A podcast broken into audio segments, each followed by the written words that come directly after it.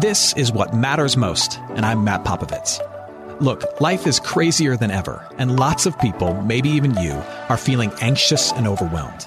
Today's message is designed to help you figure out what's most important and to experience the peace and joy that God intends for you. Because life is a gift, and it shouldn't be wasted on worry. I'd like to give you a resource, something to help you navigate the road ahead. Just go to mattpopovits.com, click on the icon, and we'll send it to you. That's Matt, P-O-P-O-V-I-T-S dot com. And hey, if you happen to live in the Houston area, I'd love to see you on a Sunday morning at St. Mark in Spring Branch. Head to stmarkhouston.org to plan your visit. Here's today's message. Thanks for listening. We are in the middle of, of a conversation that we're having called Teach Me to Pray.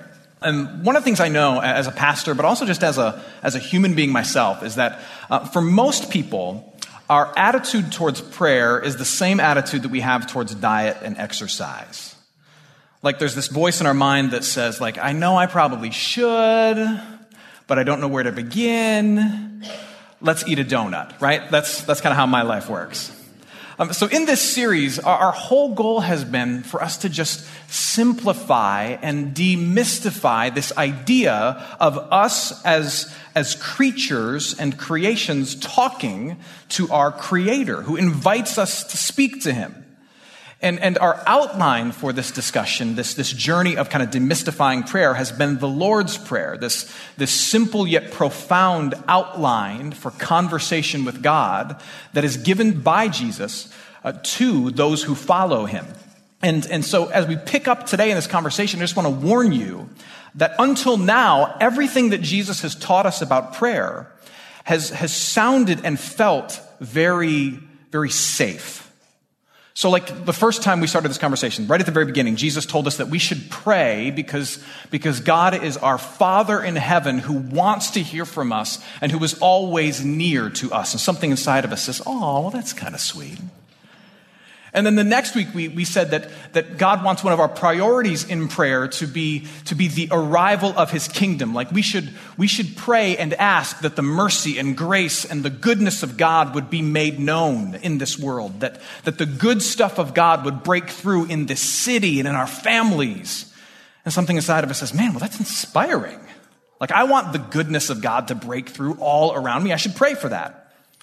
And then we heard that, that God invites us to pray about the little things in life. Like, like the most basic of human needs, God comes to us and he says, ask me for the basics that you need in order to be okay today. And by asking him for those things, it awakens an awareness of our dependence upon God. And, and we start to realize just how abundantly God gives all these things. And something inside of us says, man, that makes sense. I should ask for the little things, right? But then Jesus gets to this point in the prayer. And this idea of talking to God goes from safe to something kind of difficult. Matthew chapter 6, verse 12. Let, us read these words together out loud, shall we? Read these with me. Pray then like this Forgive us our debts as we have forgiven our debtors. So, just like that, Jesus' teaching on prayer goes from something safe to something that is serious. Suddenly, Jesus wants us to be talking about this whole thing of forgiveness, which means we also have to talk about sin, which is something in the modern world many people don't even believe in, let alone want to talk about. And what Jesus is saying to his, to his followers, and those of us who are here as baptized, forgiven followers of Jesus Christ, this is our prayer. So this is Jesus' direction to us. He says, I want you to be the kind of people who willingly deal with the garbage that gets in between you and God the Father. I don't want you to ignore it. I want you to talk about it. I also want you to deal with all the drama that gets in between you and other people. Don't ignore it. Don't pretend it doesn't exist. I want you to talk about it. I want you to wrestle with it. And here's how my followers are to deal with the garbage between them and God and the drama between them and others. First and foremost, they are to be people who pray about it. Now, when it comes to discovering the how and why of doing that, that's what this morning is for. So let's dive in together. Now, what's interesting to me is that in this teaching on prayer, Jesus uses a different word than is usually used to talk about sin. Usually, sin is the word that is used uh, in the scriptures and, and among the people of God to talk about the fact that, that our connection with the Creator as creation is messed up, and to talk about the fact that things often go sideways between us and other people. To describe all the dysfunction, Christians use this word called sin. But here, Jesus doesn't use the word sin. Instead, he uses a word that is, I would argue, a, a metaphor that almost all of us can grasp. He calls our sins what? Debts. He's using a financial metaphor, which, if you live in the modern world, this is a perfect metaphor for you and me. For example, if you went to college, chances are you have student debt, which when you were in college, people were telling you, like, oh, that's good debt. That's good debt. Yeah, tell me that when I'm 40 and I'm still paying it off, right? Um, if, you, if you bought a co op here in the city, you have you have mortgage debt, right? If you, if you purchased a 50 inch television with 0% financing, you have high definition debt. if you have credit cards, the average American household has $16,000 in credit card debt. Did you know that? If you have credit cards, you have evil compounding interest debt, right?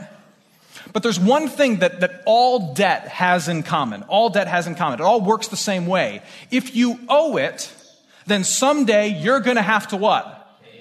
No, you guys know. That's how debt works. If you owe it, someday you have to pay for it. There are minor exceptions that happen once in a while.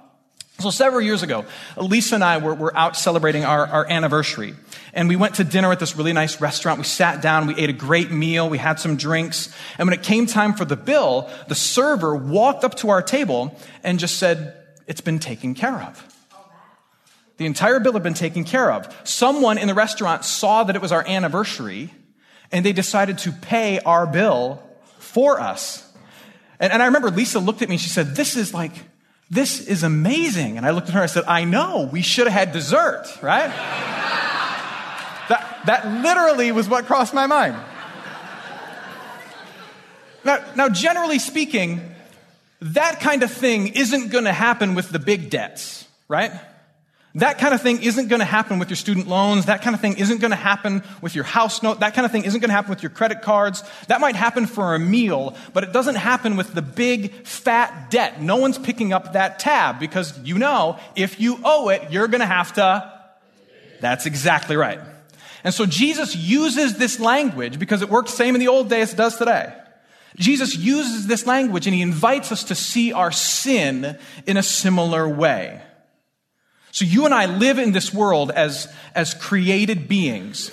And yet, as created beings, we walk through this world and we walk out of step with the Creator. And every time I walk out of step with the Creator, I wrong Him. I offend Him. I, I owe Him. In the same way that as, as you have children, and your children kind of violate the family values, it wrongs you. It hurts you. And they need to what? Apologize to you, right? On a much grander scale, that's how our relationship with God operates. And yet, as I walk through this life, I keep doing my own thing. I keep doing my own thing. I keep pressing against God's authority. I keep, I keep living as if I'm my own king of my own castle, and God keeps putting up with it. Like, he has very good reason to look at the life of Matt Popovits and just like let some lightning come down from his finger and strike me down, right? He has every reason to do that. And yet he doesn't. And every time that God doesn't give me what I deserve, which is every moment of every day, it's me borrowing grace. I'm borrowing kindness. I'm borrowing mercy. I'm borrowing his favor. I'm just borrowing and borrowing and borrowing from God until over, ye- over the years that adds up. And I've got like mountains of moral debt that I could, ne- I could never repay. Like God has been so kind to me. Like I'm never gonna like erase the mountains that I owe him and, and cover the cost, right? And the same is true with you. But there's more. Not only have, have we gone in debt with the Creator, but, but other, other creatures, other people have gone in deep debt to us. Like, not only have we wronged and sinned against God, but there are people in this world who have sinned against you, right? They sin against you and they owe you. And until that debt is dealt with, there will be like a, a barrier between you and them.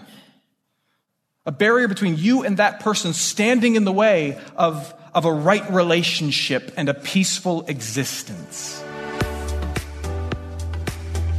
I hope you're enjoying today's message. For more of what matters most, you can head to mattpopovits.com. There you'll find other messages. You can support this ministry as well as access your free gift. Oh, and if you're looking for a local church and you live in Houston, come and see what's happening at St. Mark Houston. To plan your visit, head to stmarkhouston.org. Thanks for listening, and back to today's message. Take for a moment and just think who are your debtors? Who are the people that have hurt you and who owe you? Now, if they're here, like, don't, don't point a finger at them. That'd be rude. Too late for some of us. Who's wronged you? Now, let me ask you this follow up question What are you doing about it? What are you doing with your debtors? And we all deal with them somehow. Uh, let me tell you that the number one way we deal with the people who have wronged us, the people who owe us, the people who've been indebted to us, number one thing we do is we lie to them. They come to us and we say to them, No, everything's fine. Seriously, no big deal. No big deal. No big deal. Then as they walk away, we're like, I hate you so much. Number one thing we do. Sometimes um, we punish them. You ever met somebody who just holds on to their right to be angry as their most prized possession in the world? Like they were legitimately wronged, but they hold on to their right to be angry as if it's pure gold. And they will tell you at every turn that you wronged them, and they'll say, I have a right to be angry. Let's not forget what you did to me. And sometimes we, we press the people who've wronged us for payment. We come to shake them down like a creditor. We look at them and say, Hey, look, you owe me. So what are you doing with your debtors? Are you lying to them? Are you punishing them? Are you pressing them for payment, or are you just trying to convince yourself that you don't have an issue with them? Now, as you process that, let's, let's just pivot off that and, and go back to our Father in heaven and let's think about this. Now, what does our Father in heaven do with our debts? He forgives them. What does our Father in heaven do with our debts? He forgives them. Now, maybe for you, if like you've grown up going to church and you, you, you spent like the early years of your childhood in Sunday school, maybe that word has been heard so much by your ears that it's lost its meaning. So here's what forgiveness means. Forgiveness means that through a sacrifice, a debt is removed so that a relationship can be restored. And what Christians believe is that Christ is the one who has absorbed the cost for your indebtedness to God. He paid the bill with his life. This is Colossians chapter 1. These are incredible words. Such a clear understanding of the gospel in these words. Listen to this. God has reconciled you to himself by Christ's physical body through death to present you holy in his sight without blemish and free from accusation. The key words there are reconciled and free from accusation. Through Christ, God the Father has paid the debt and He's removed everything that you owe Him. Do you owe Him? Do I owe Him? Yes. He's removed that debt through the perfect life and sacrificial death of Jesus. And then He's dissolved all the dysfunction between you and the Father that exists when you owe somebody something. My job, my whole job as a human being is to tell you one thing. You don't owe him anything.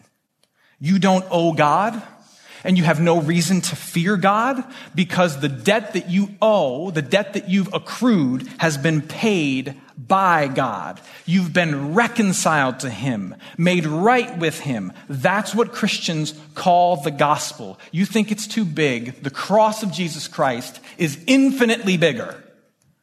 It's paid for. Now, now take that truth, hold it in your hands, and think about this. This is where it gets really interesting. God never gives you things simply to keep them. He only gives you things so that you can share them. Let me say that again. God never gives you things for you to simply hold on to them and keep them for your own. Whenever God gives you something, He gives it to you for you and for others. That's true with the possessions that you have. That's true with, um, with the money that you have. That's true with the talent that you have. God gives it to you for you, but for you to share with others. And it's also true with the forgiveness that you have. The forgiveness God gives to me is meant to flow through me. God never gives you something just to keep, He always gives you something to share. Even the mercy and the grace and the forgiveness that He's shown you for your debt, which is a fabulous idea until you actually have to do it. And this is where prayer comes in prayer, where, where whether you're just riding on the train and you got your eyes closed and people think you're asleep, or whether you're walking on the street with headphones in and people think you're listening to like NPR or, you know, that's what I listen to. I have big headphones to listen to talk radio. Um, people think you're listening to something else, but you're actually just trying to reserve some quiet and you're talking to God. Prayer is meant to be that place where, where in talking to God, you deal with all of the debts. It's meant to be that moment where, where you open the checkbook and you see everything that's been spent and you reconcile accounts. You examine everything that you've borrowed from God and it's not pretty. And you also look at what others have taken from you. you know, healthy families talk about things. And one of the things healthy families do is they talk about their finances.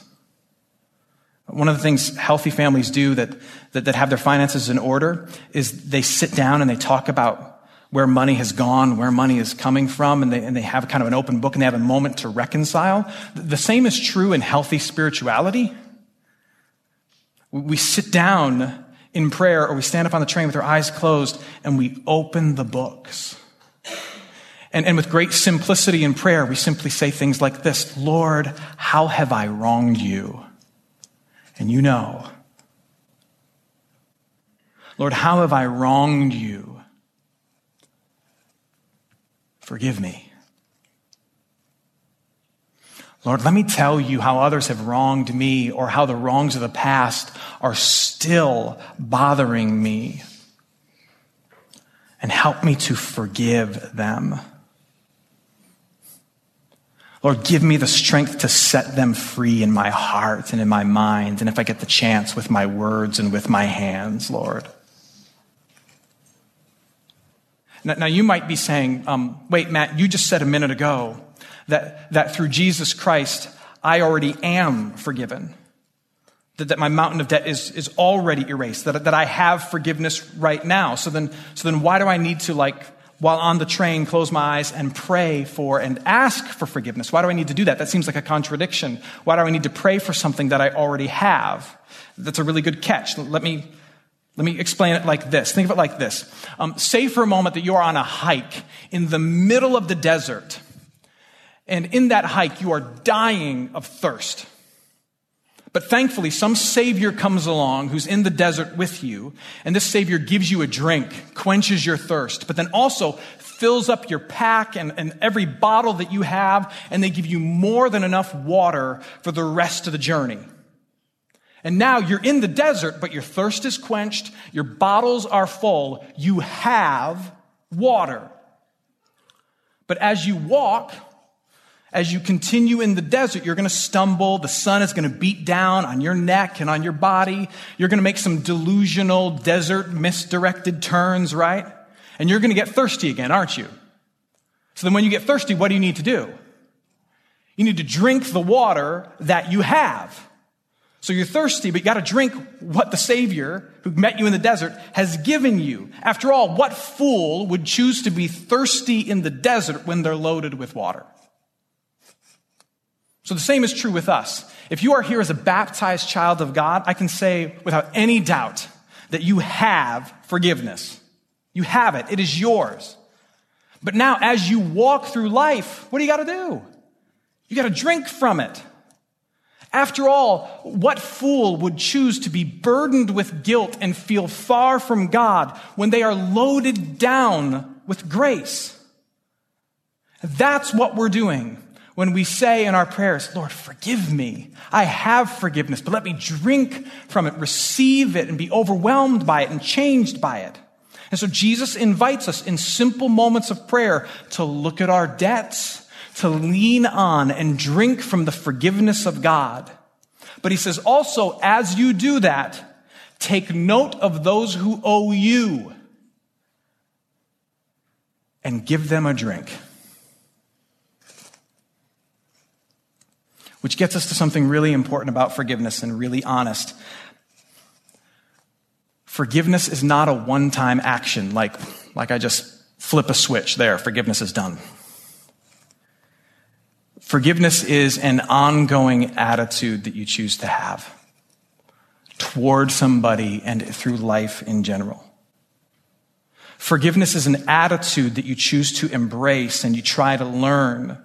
That, that means you are, you are willing to sacrifice your right to be right you are willing to sacrifice your right to pay them back, your right to bear a grudge, your right to be angry, your right to put some, some vague post on Facebook that's really pointed at them and makes you feel better. You give up your right to punish them. And ultimately, when it comes to this person, you ask nothing in return from them. Nothing. You treat them with dignity and grace and mercy and you require nothing for that dignity. You require nothing for that mercy.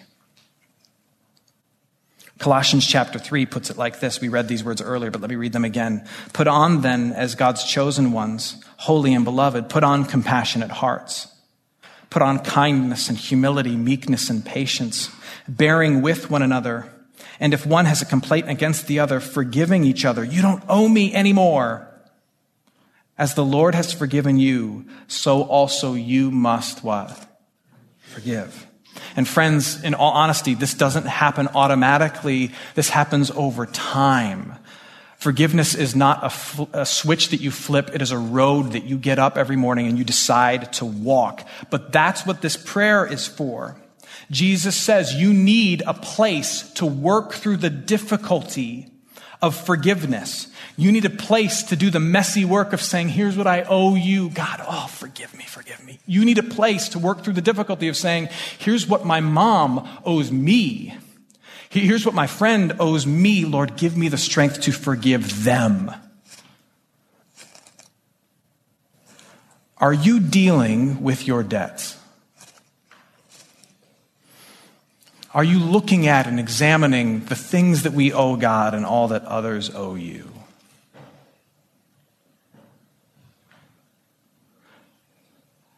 That's what prayer is for. Open the books. Examine, drink in forgiveness, and offer it to others. Lord, forgive us our debts as we have also forgiven our debtors. God never gives you anything to keep. He only gives you things to share. Amen. Hey, it's Matt. I hope you enjoyed what matters most. Here's what I need you to know life is a gift, and it shouldn't be wasted on worry. I want to help you figure out what's most important and to experience the peace and joy that God intends for you. So for more content, you can head to mattpopovits.com. That's Matt, P-O-P-O-V-I-T-S.com. There you can also support this ministry, as well as access your free resource, a little something to help you navigate the road ahead. I'd also love to see you on a Sunday morning. If you're in the Houston area, head to stmarkhouston.org to plan your visit. In the meantime, Hit me up on Instagram at mpopovits or at facebook.com slash Matt Popovits Ministries. Thanks for listening. Now go and hold tight to what matters most.